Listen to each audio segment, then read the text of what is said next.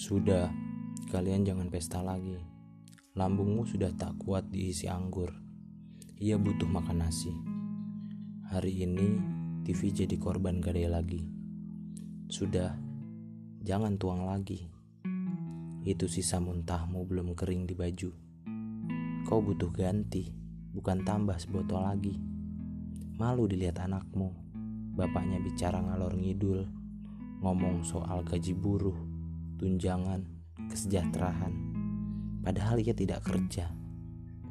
Di masjid sudah sayup ada yang mengaji.